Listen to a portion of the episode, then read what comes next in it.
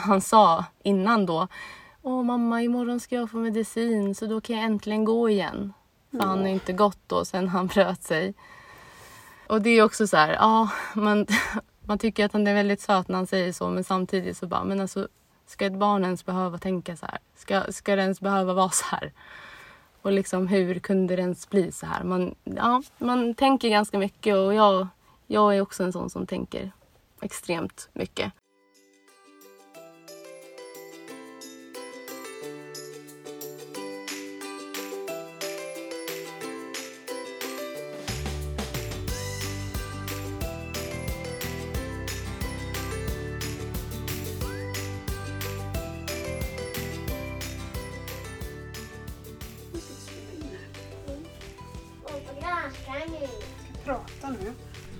Ta ut nappen annars så hör man inte vad man säger.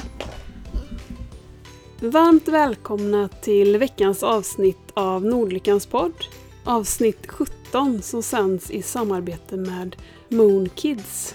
Och jag som pratar, jag heter Emma och idag så har jag lite hjälp av Tuva att spela in introt. Ska du säga någonting?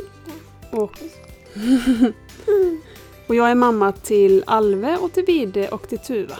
Och Vide har ett sällsynt syndrom. Och i den här podden så får du följa mig i min vardag som funkismamma. Och varannan vecka så har jag en gäst med funkisanknytning.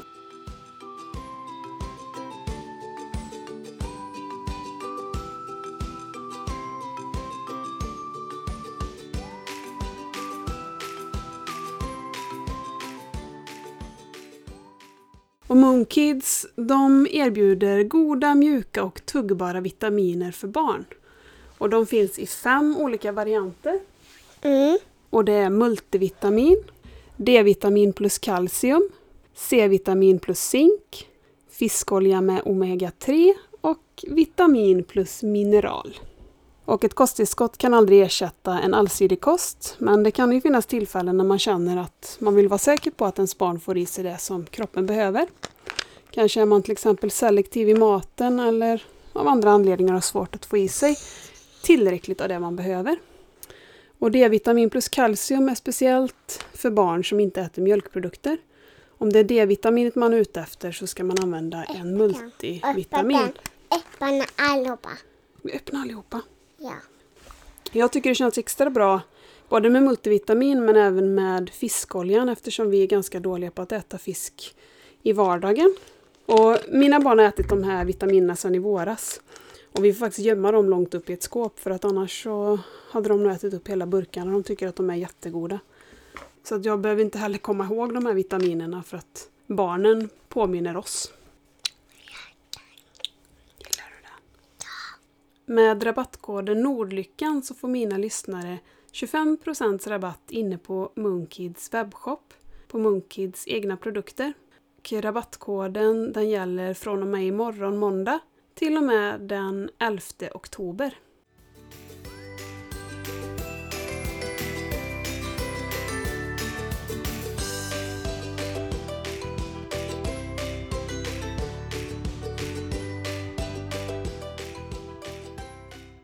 Idag så gästas jag av Pernilla som är mamma till Malve. Välkommen till Nordlyckans podd. Tack! Och berätta, vem är Malve? Malve är en glad liten snart fyraåring som eh, har benskörhet. Den heter alltså osteogenesis imperfecta. Lite krångligt så vi förkortar det med OI. Ja, han är, eh, han är nästan som vilken annan fyraåring som helst. Väldigt glad liten pojke. Och vad innebär det här med benskörhet? Om man inte har hört talas om det innan, vad innebär det? Det innebär att man kan bryta benen mycket lättare än, än friska barn. Då. Och när du säger att man kan bryta benet lättare, hur mycket lättare? Av vad kan man bryta benet? Alltså det, är nog, det är lite olika vad man har för typ eh, av OI. Det finns ju fem typer. Malve har fem, typ fem. Alltså han, han kan bryta sig liksom allt från att han går och snubblar till att han liksom halkar på någonting eller ramlar för hårt på rumpan eller ja men han kan bryta sig av vad som helst typ. Och när fick ni reda på att han hade den här sjukdomen? Alltså, det, det, det började ju typ redan i magen. Alltså när, han, när jag var gravid med honom. Då hittade de på första ultraljudet som tror var i vecka 19 eller något sånt där. Då hittade de att han, eller då såg de att, han, att hans lårben var korta. Alltså kortare än vad, vad de skulle vara då i den veckan. Och ja, Vi tänkte väl inte så mycket på det för de sa att det skulle, nej men det kommer nog växa till sig och det, det, det är ingen fara liksom. Och, så vi, vi ja, fortsatte som vanligt och sen så efter några veckor så fick vi göra ett till ultraljud och sen så sa de att nej men det, de är fortfarande korta och då erbjöd de oss att göra ett sånt här fostervattensprov för att kolla om han hade typ down syndrom, om han var kortväxt och jag vet inte om det var något mer. Men eh, så vi, vi sa ju att ja, det vill vi gärna göra bara för att veta egentligen vad det kunde vara. Så då gjorde vi det tror jag efter någon vecka och vi gick ju på ganska täta liksom, kontroller sen. Och så gjorde de det här provet och sen så ringde de till oss efter typ två veckor och sa att nej men det är, det är ingenting som visar någonting. Så det är nog bara att de inte har vuxit i kapp liksom. Det, det kommer nog. Och sen så gick ju vi kanske typ varannan vecka tror jag. Och sen så blev det lite längre mellanrum. Så tänkte vi ju att ja men då, då är det ingen fara, då, det, kommer ju bli, det kommer ju bli bra. Och sen så hade jag en eh, helt normal förlossning, en jättebra förlossning. Han kom ut och så var han ju liksom helt perfekt och vi såg ju inget konstigt på hans lårben. De var ju jättefina och barnmorskan sa också att nej men det här är jättefint, det, han ser jättefin ut. Och jag bara, ja ja. Och jag och min sambo tänkte, men gud vad skönt. Då var det ingenting, då var det bara någonting som såg konstigt ut i magen liksom. Och sen tänkte inte vi något mer på det. Utan, ja, men, alltså, han var lite så här... Några gånger så tyckte jag liksom när han alltså, kanske var två månader. Då tyckte jag liksom, men gud han, han är sned. Jag tycker han är sned. Han ligger här på skötbordet liksom. Och han var ledsen.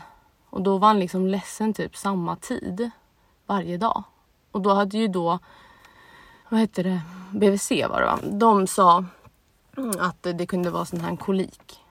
Och då tänkte jag, ja men det är ju jättevanligt så det är det nog. Men sen så hade jag min mamma här en vecka och så sa jag liksom att, nej men tycker inte du att Malve är sned? Alltså han, kollar liksom på hans axlar, han, och han ligger ju ändå som han ska, men han är lite sned. Och då sa hon, nej men jag tror att du inbillar dig, det, det är nog ingenting. Jag kände liksom då att nej men alltså det är någonting mer. Men ah, ja, det är mitt första barn. Det, det, han kanske ska vara lite sned, det fan vet jag. Alltså det jag vet ju ingenting. Så. Och sen eh, dröjde det väl typ två månader till. Och när han då var fyra månader så var, hade han sitt dop.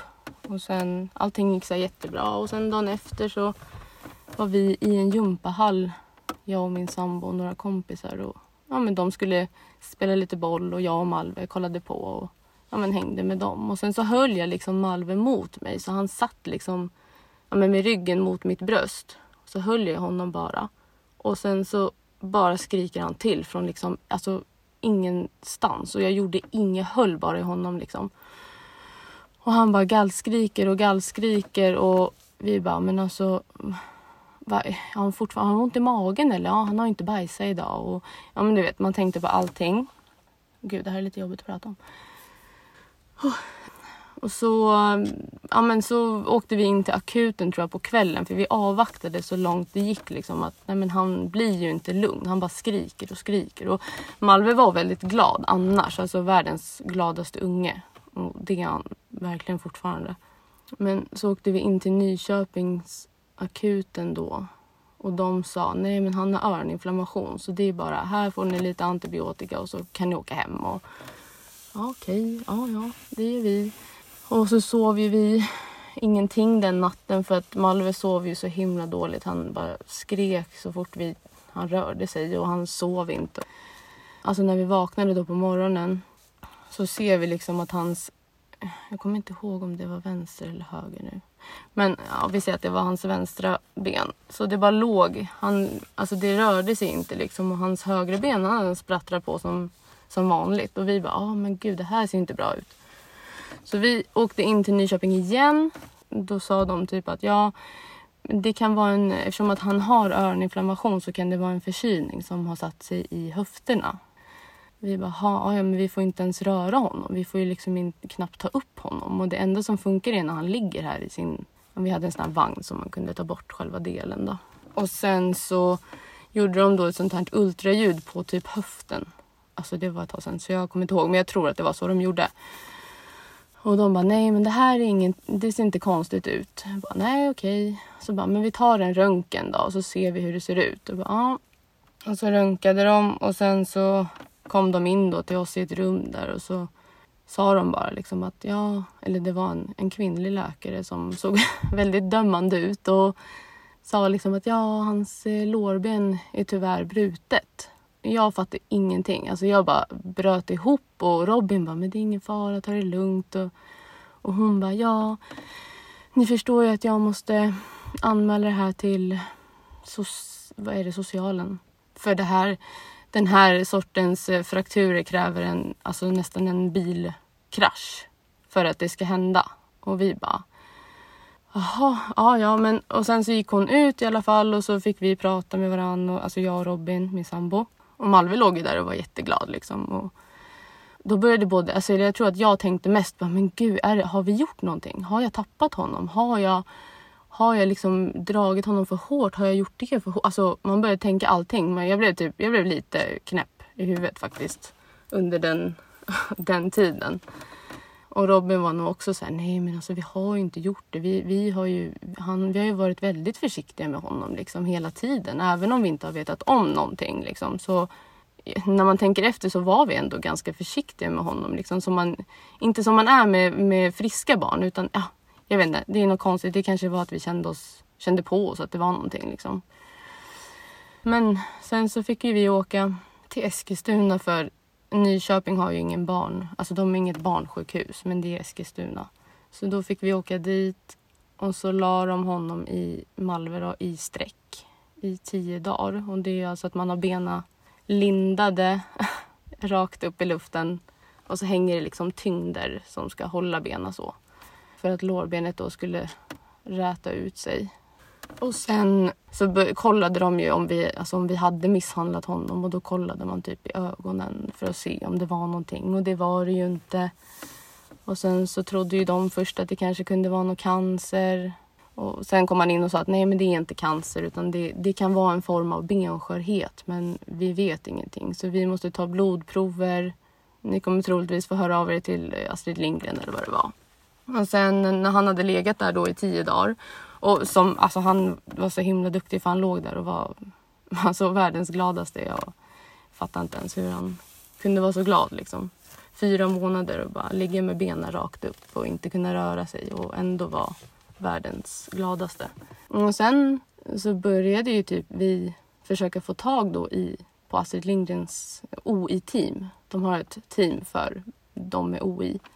Men vi fick, vi fick liksom inget svar och vi blev bara skickade runt i typ ett halvårs tid till att ta prover och det gick inte att sticka Malve för han hade inga synliga ådror så de fick ju sticka överallt och så var det fel blodprover och så var det, alltså det var så, ja det var helt eh, galet.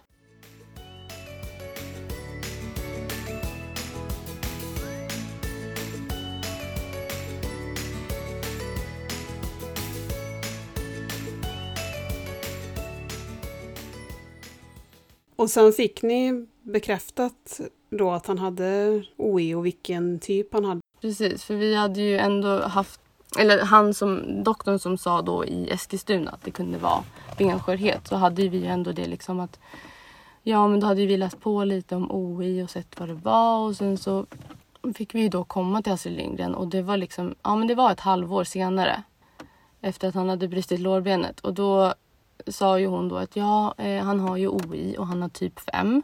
Det finns typ 1 till 4 men han har 5 och vi bara jaha, ja, okej. Och vad, ja. Så hon bara ja, så det är en ovanlig, alltså OI är ju ovanligt men han har en av de ovanligaste och hon visste då bara en till i Sverige som hade typ 5. Och det var en annan liten pojke som vi faktiskt fick, eller jag fick kontakt med hans mamma faktiskt. Och fick, ja men frågade massor och liksom ändå fick, jag lärde mig ganska mycket av hur de gjorde och även om alla, alltså om man har samma typ så betyder inte det att man, man liksom, man bryter inte lika många ben eller man har inte samma problem så. Vad ska man säga, det behöver inte vara samma. Men det kändes ändå så skönt att ändå hitta någon som jag ändå kunde prata med som hade varit i, gått igenom samma. När han då fick sin diagnos så fick han också en eh, sån här port inopererad i bröstet. Och så fick han sin första medicin i den. Så nu får han medicin varannan månad. Eller han fick medicin varannan månad fram tills i februari i år. Vi är alltså på Astrid Lindgren två gånger per år. Och då gör de en bentäthetsmätning. De kollar ja, men hur han mår, hur, eh, hur många frakturer han har haft, hur, eh, hur fötterna ser ut, hur han går, hur han sitter, hur ryggen ser ut. Lite så här koller. Och sen så gör de då en bentäthetsmätning. Första gången vi gjorde den så sa de att ja men det här, man ser ju att det här är ju inte så bra. Det är lite för skört. Och sen så efter ett halvår tror jag vi var där igen. Och då visade den att det hade gått upp, själva bentätheten. Vilket var jättebra. Och då förklarade de också för oss att bentätheten får inte vara för hög. Den får ju självklart inte vara för låg heller. Men är den för hög så kan skelettet bli för hårt. Och då blir det liksom sprött och så då kan det gå av på grund av att det är för hårt. Var vi i alla fall där och då sa de att ja, men det har gått upp jättebra så det, det ser jättebra ut. Den här behandlingen som man får hjälper verkligen och, och det är jättepositivt.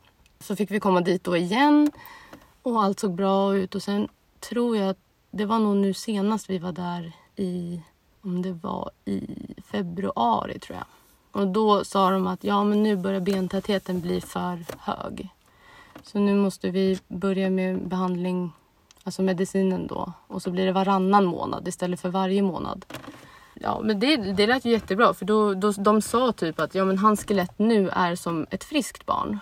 Men han har fortfarande sjukdomen men skelettet ser jättebra ut. Och vi blev ju alltså svinglada och bara Gud han... Ja, man, man tänker ju liksom att han är frisk nu fast jag visste ju att han inte var det. Men var vi där då i februari som sagt. Och sen bröt han ju benet då i...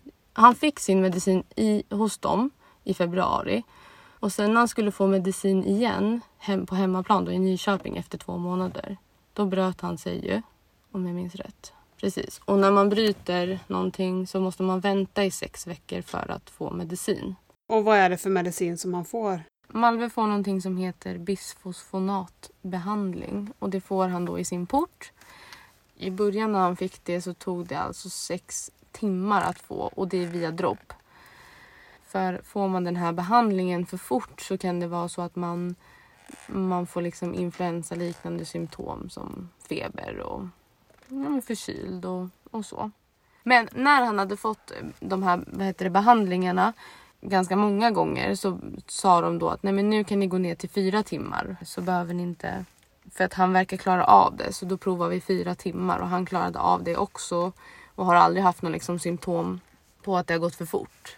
Det, och den här medicinen gör ju att, att skelettet stärks och att han inte ska bryta sig lika lätt. Men hjälpte medicinen så att han inte bröt någonting medan ni fick den här behandlingen eller är det att det blir mindre frakturer?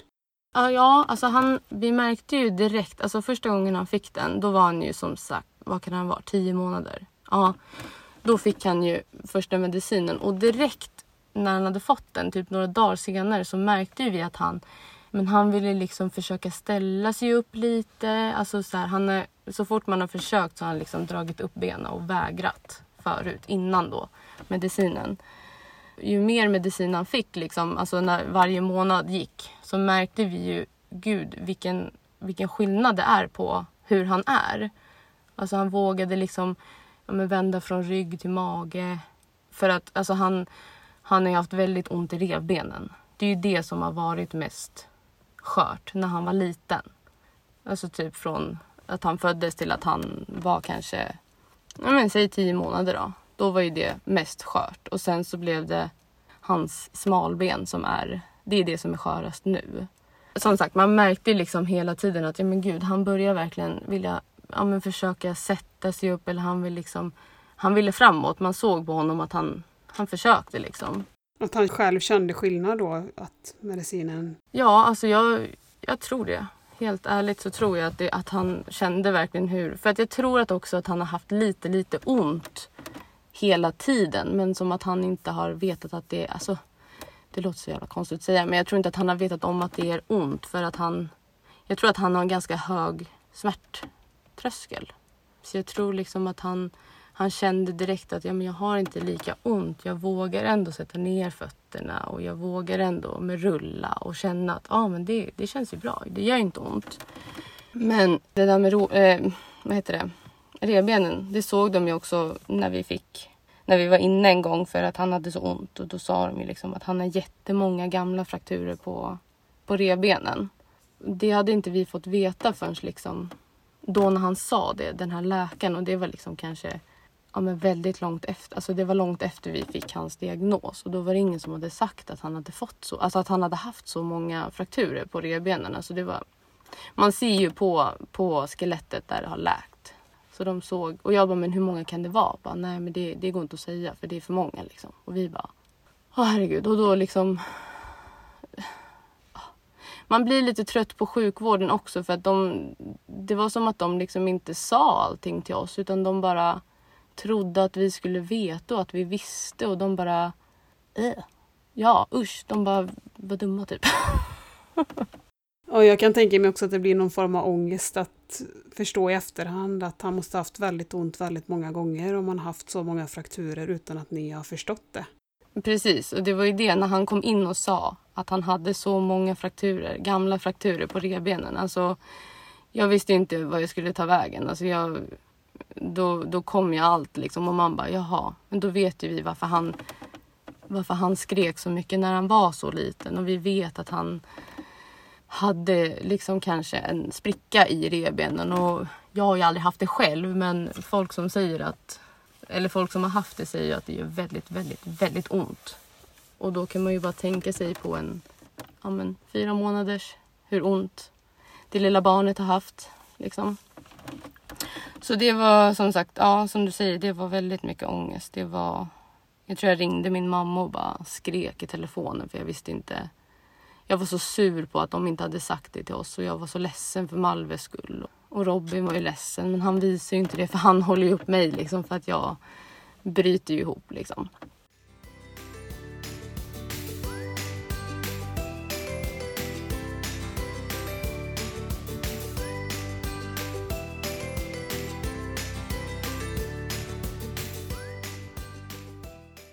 Men så sa du att ni fick hålla upp med medicinen i sex veckor och fick han börja, eller inte äta, men fick han det i den här porten igen? Ja, eller alltså han skulle ju ha fått det.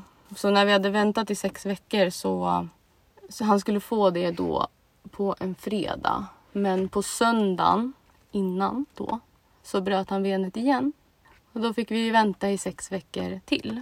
Och då tyckte jag att det verkade väldigt konstigt att han, det, har gått, det hade gått liksom ett år från att han hade brutit någonting. Det hade gått så himla bra. Alltså, han hade inte haft ont, han hade gått. Han hade liksom varit som ett, ja men vilket barn som helst liksom.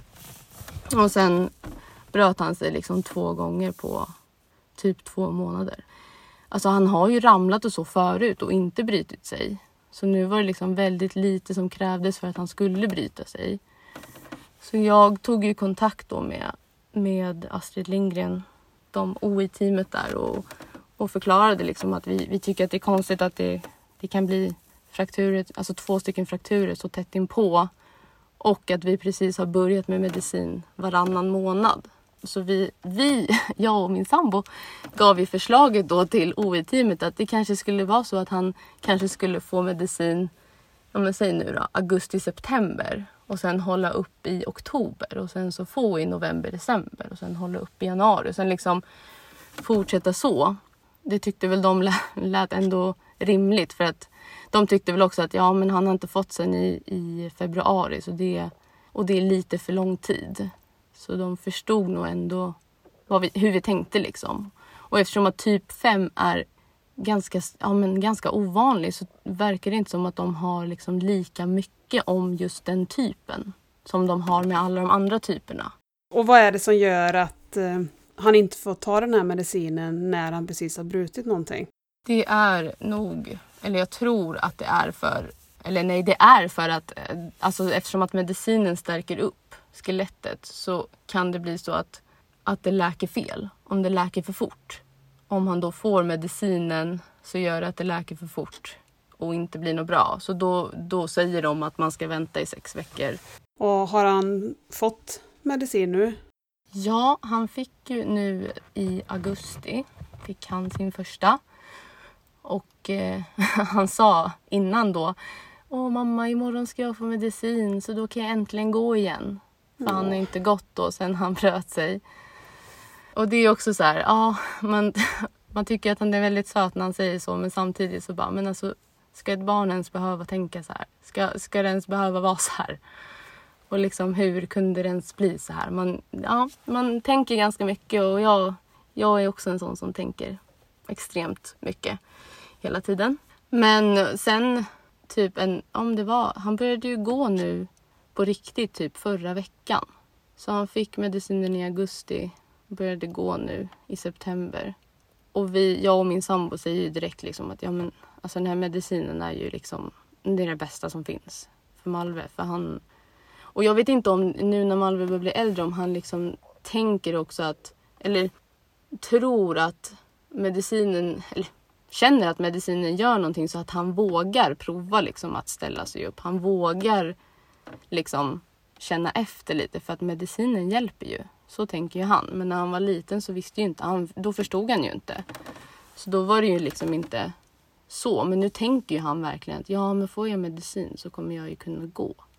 Och liksom bara det att han ser att han får medicin kanske gör att han vågar och blir lite modigare.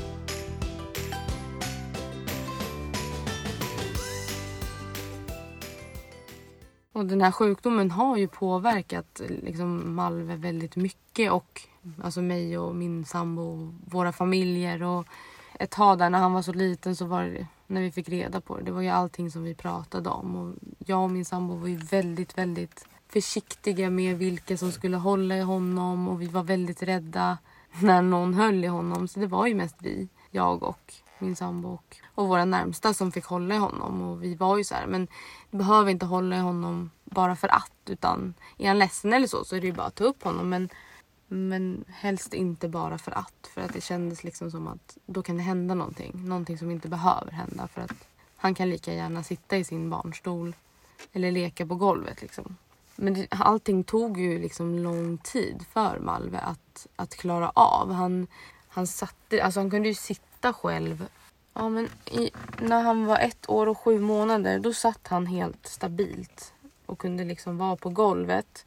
Jag var fortfarande lite så rädd att han skulle ramla baklänges men man märkte ändå på honom att han började bli mer och mer att det var lugnt. Han kunde sitta där och leka och vi behövde liksom inte stå bakom honom hela tiden. Och sen när han var ett år och nio månader så ställde han sig upp första gången. Och det var faktiskt i badkaret.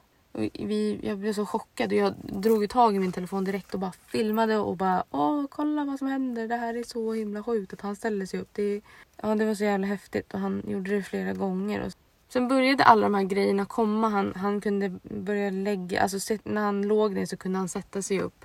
Liksom ta sig upp själv och det, han, det hade han inte gjort någon gång tidigare. Och just det, han ville ju liksom inte stödja så mycket på, på benen innan då han fick den här medicinen. Och sen tog det ju ett tag innan han men vågade liksom... Han satt i sin gåstol men han, han kunde aldrig ta sig fram. Utan han liksom... Han satt bara i den där och det var en sån här fin liten gåstol som alla, alla barn typ har.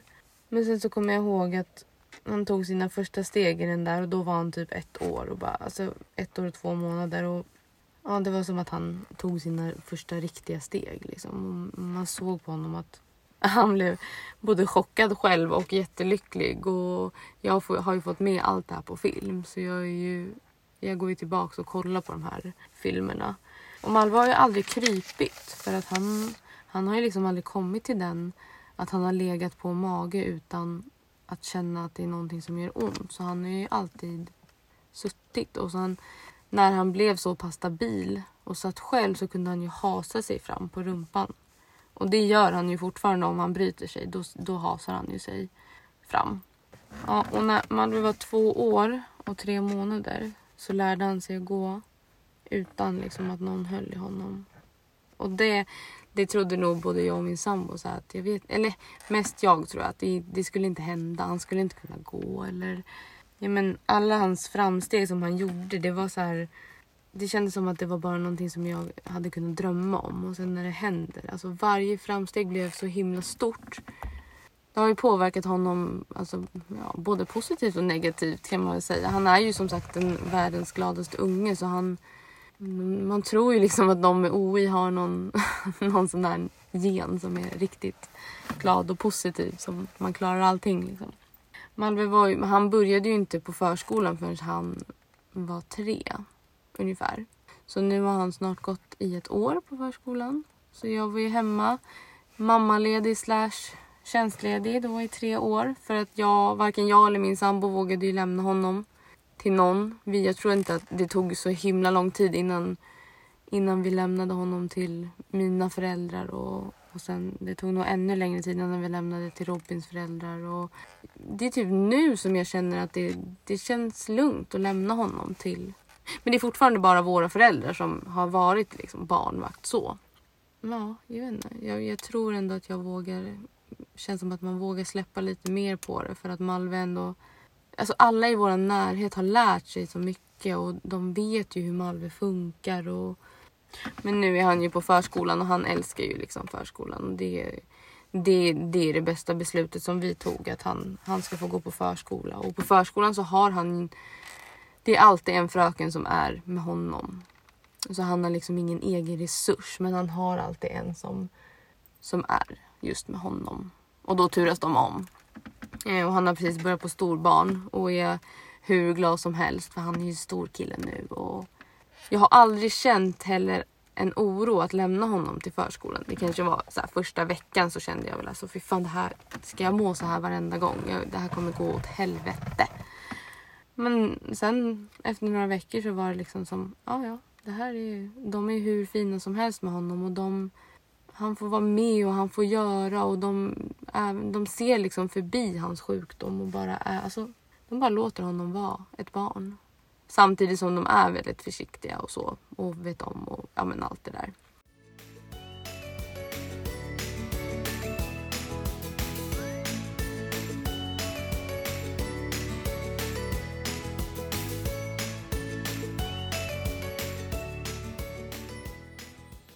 Hur medveten är Malve om sin sjukdom?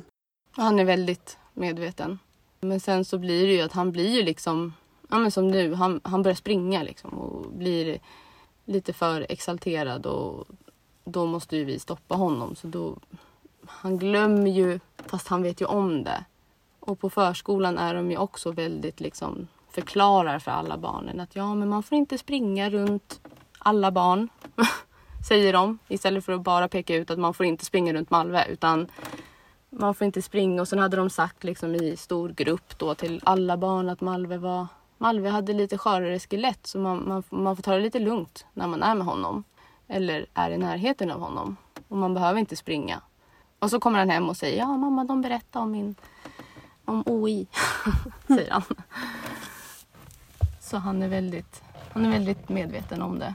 Och hur känns det att behöva bromsa honom? Ja, det känns ju inte jättekul. Jag känner mig väldigt tjatig liksom att få säga men ta det lugnt eller ja, men spring nu inte eller var försiktig och ja, men akta där. Ja, men, det är liksom en sån liten grej som att han ska klättra upp i soffan. Alltså, ja, men ta det lugnt upp i soffan här för du kan ju, ja, du får inte ramla ner för då kanske du bryter liksom alla ben som finns i hela kroppen. Och hur många benbrott har han haft? Ja, alltså de som vi vet om är ju alltså sex frakturer tror jag som vi vet om. Och sen har jag, han har ju haft lite på, på fötterna och på armen tror jag han haft. Han hade någon för ett tag sedan. Och sen jättemånga på revbenen då som vi... Men de räknar vi typ inte med för de visste vi inte om. Och vi vet inte hur många det är. Och så sa du att det är hans smalben som är skörast. Är det de som han har brutit nu det senaste också? Ja, så första gången han fick han en spricka då i vänster smalben. Och sen så bröt han ju höger smalben. och sen så bröt han vänster och så bröt han vänster igen. Så det är vänster smalben som är värst, eller skörast. Och vad har det varit för typ av situationer som han har brutit dem i? Första gången när han bröt sig alltså på, på um, smalbenet då så var då kunde han ju inte gå så då höll ju min sambo honom under armarna och så skulle han gå liksom själv så. Eller alltså du förstår, man hjälpte till lite och höll i armhålorna. För man kunde, man kunde inte hålla Malve i händerna för att då, då skulle han ramla direkt. Så man var tvungen att alltid hålla i armhålorna så att han skulle känna sig lite stadigare. Och han lekte och sprang kan man säga och liksom snubblade till. Eller han satte sig ner på sitt ben typ och då gick det av. Eller det blev en spricka. Och då åkte vi in och så gipsade de och så ja, men var det hem igen. Och så, sen andra gången så, vad hände då? Jo just det, då var vi på affären. Och då bröt han ju vänster smalben igen. Eller då bröt han det. Och då var vi på affären och så halkade han lite och ramlade på benet så det gick av. Och då fick han gips och han får inte riktigt gips utan det är en, en tjock sån här linda som man lindar flera varv. För att ja, man ska tydligen inte ha hårt gips på alla barn. Eller om, det är nog bara OI förresten. OI-barn. Och han skulle ju egentligen inte ha legat då i streck om de hade vetat om att han hade OI. Men ja, skitsamma, det, det är ju för sent nu. Men... Jo, och då när han hade det, när han bröt sig då Alltså han vägrade liksom ställa sig upp och även fast vi pratade då med de här OI, OI-teamet och de sa att nej men han borde ha ställt sig upp, han borde ändå ha försökt. Och vi bara, men han, han vägrar, han vill inte, han bara skriker om vi försöker. Liksom. De bara, ja men nu, nu får ni väl komma in och så får vi väl kolla på det. Och så, och så kollade de och de bara, nej men det har ju läkt och det ser ju bra ut så han borde nog ställa sig upp och så snart. Ja okej, okay.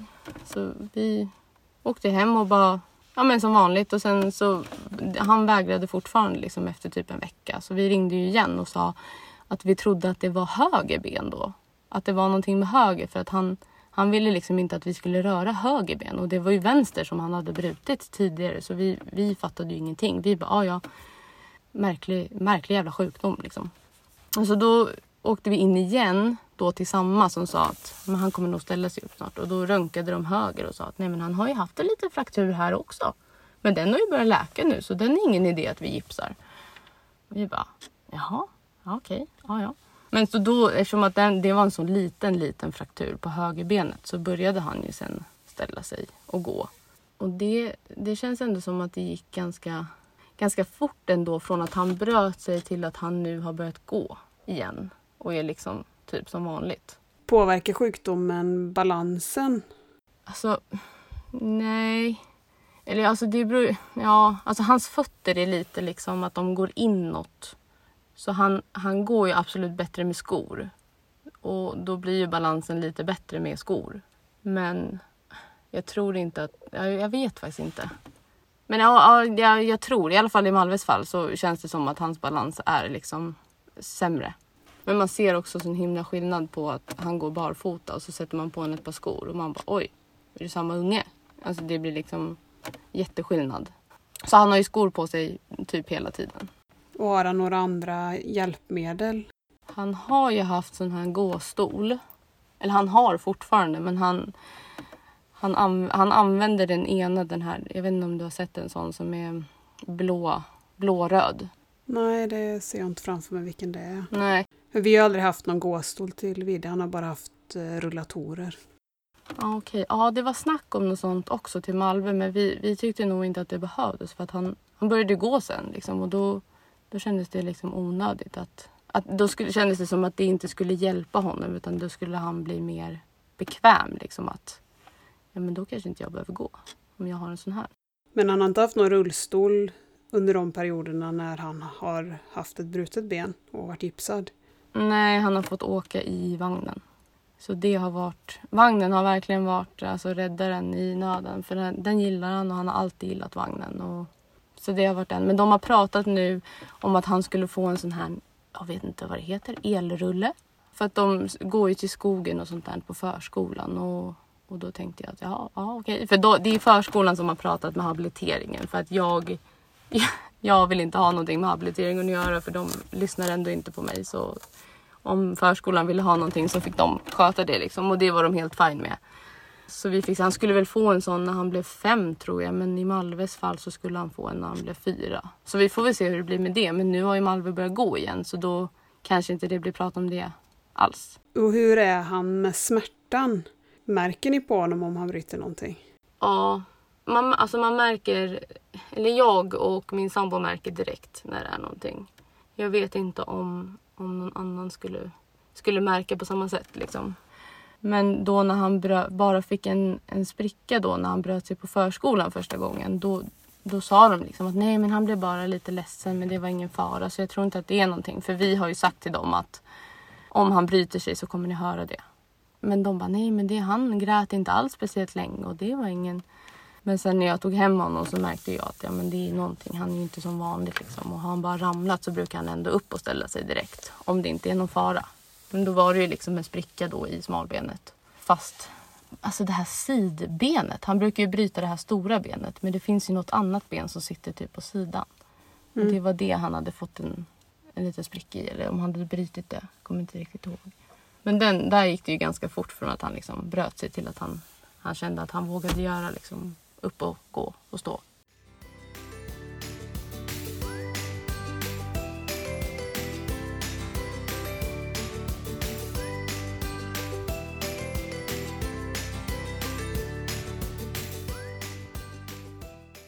Och nu i efterhand när ni vet vilken sjukdom som Malve har, vad, fanns det några risker med en förlossning för honom?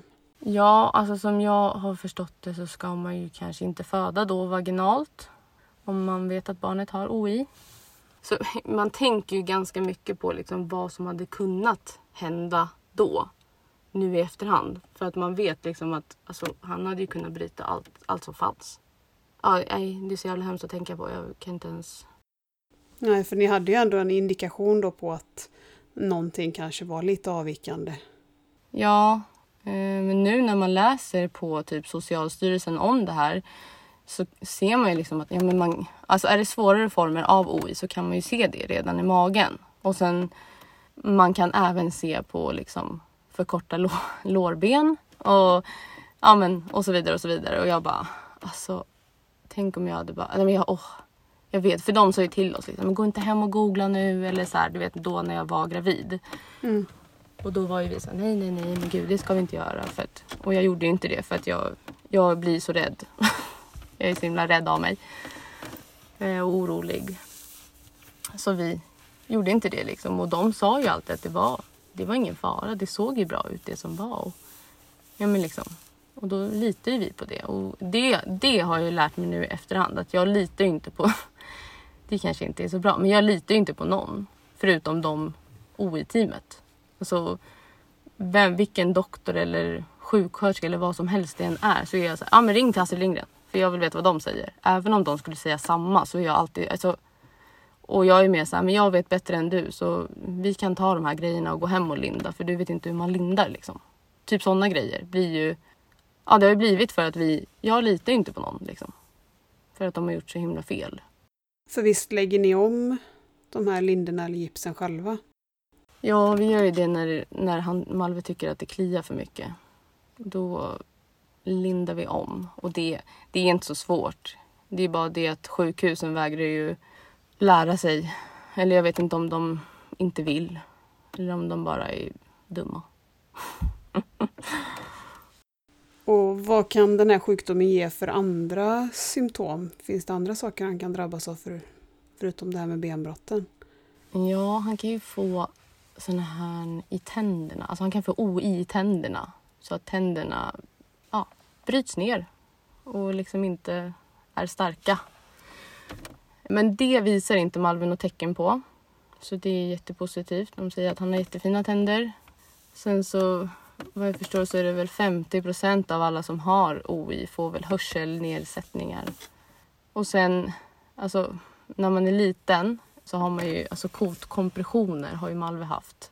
Men det, är ju, det har han inte haft nu på jättelänge. Men det är ju liksom att ramlar han hårt på rumpan så kan liksom kotorna tryckas, tryckas eh, ihop lite.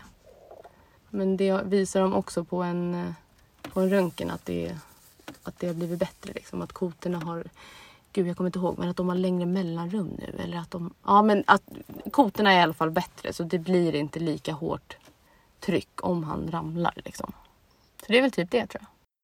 Och hur är hans tillväxt jämfört med jämnåriga barn? Ja, just det. Jag, jag vet inte riktigt vad, vad barn i hans ålder väger och hur långa de är. Jag är lite dålig på det. Men, men Malve är ju väldigt liten. Alltså han, har ju, han blir fyra nu och han har ju fortfarande vissa kläder som är liksom storlek 86 och han väger ju liksom 12, 12 och ett halvt kilo.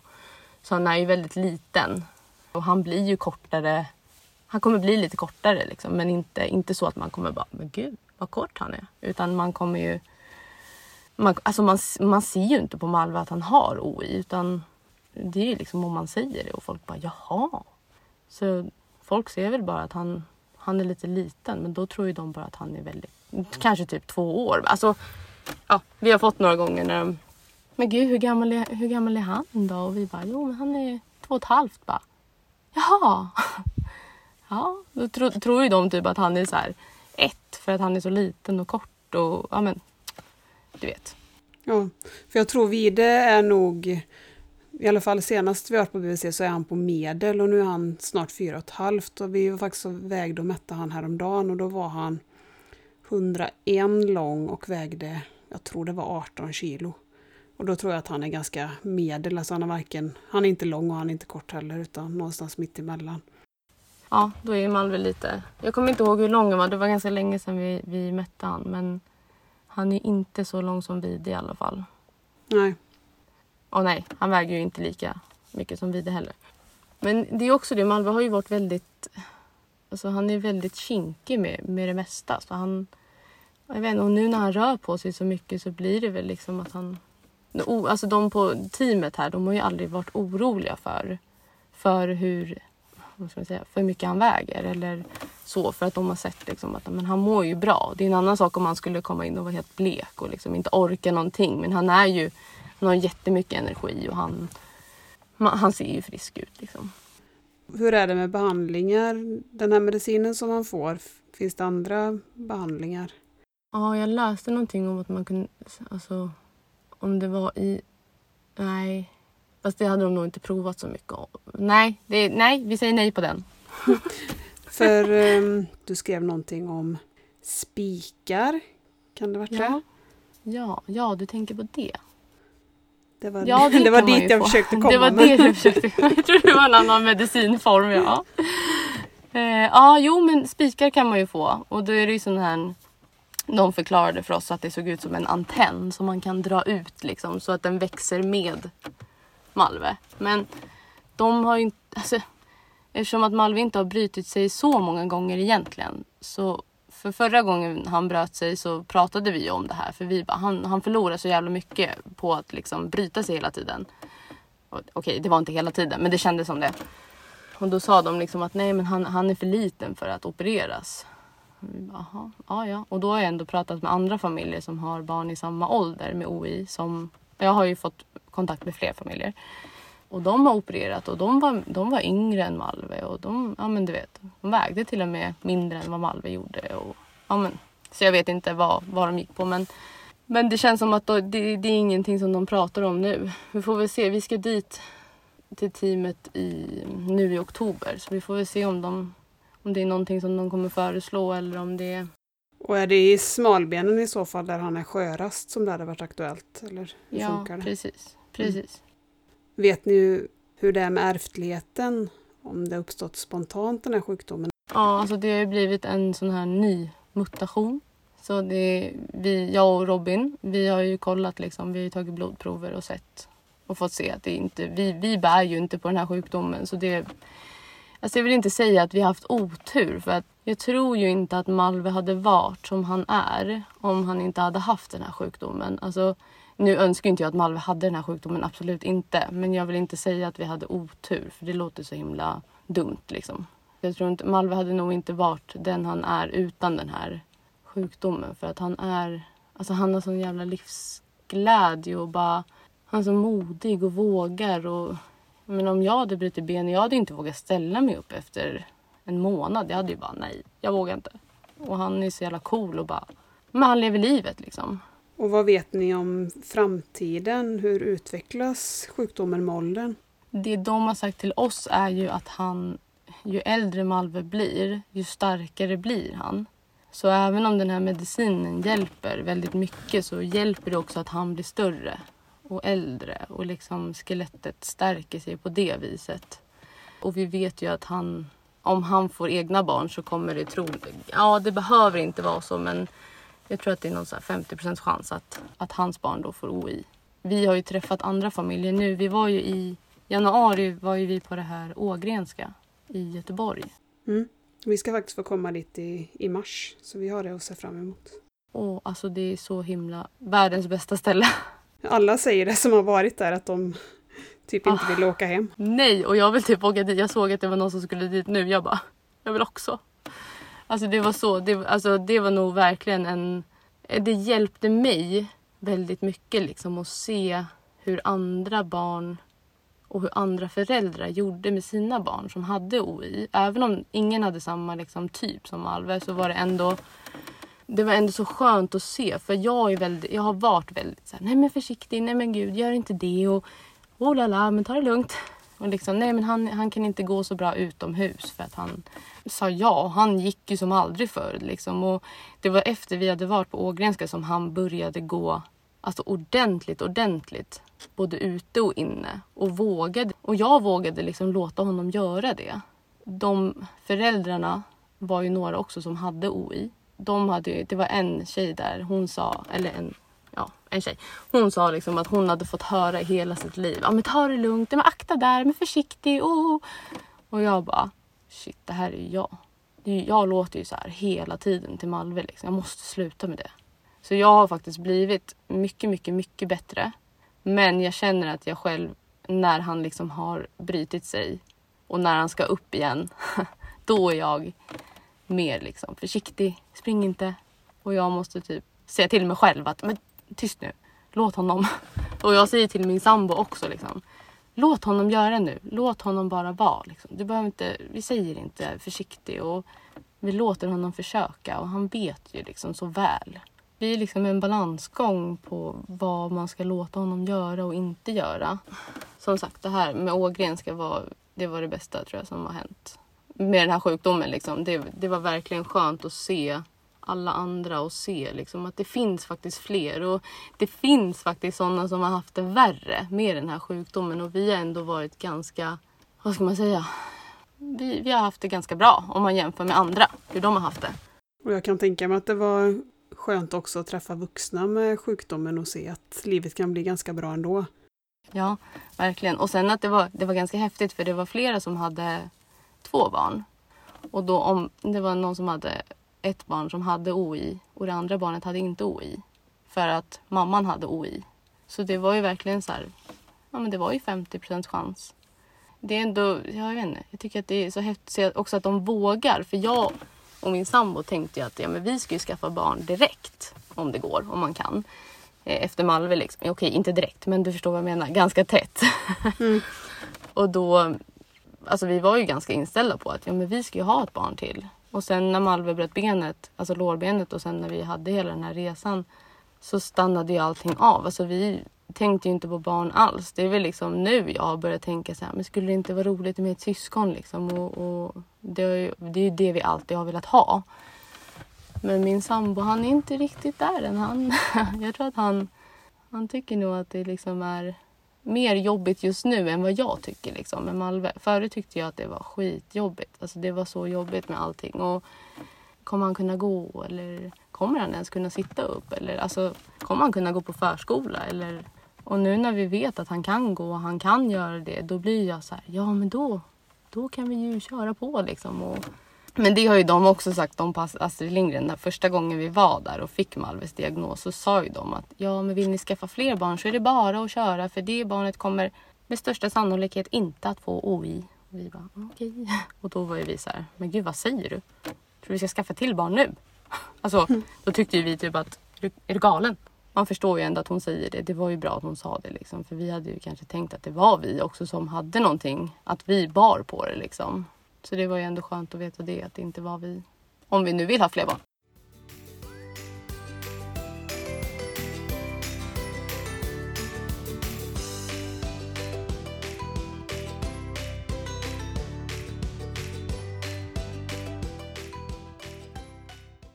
Det är också så här, vi får så jävla mycket kärlek av alla och folk som jag inte ens känner. Och det är, det är så konstigt hur man kan få sånt himla...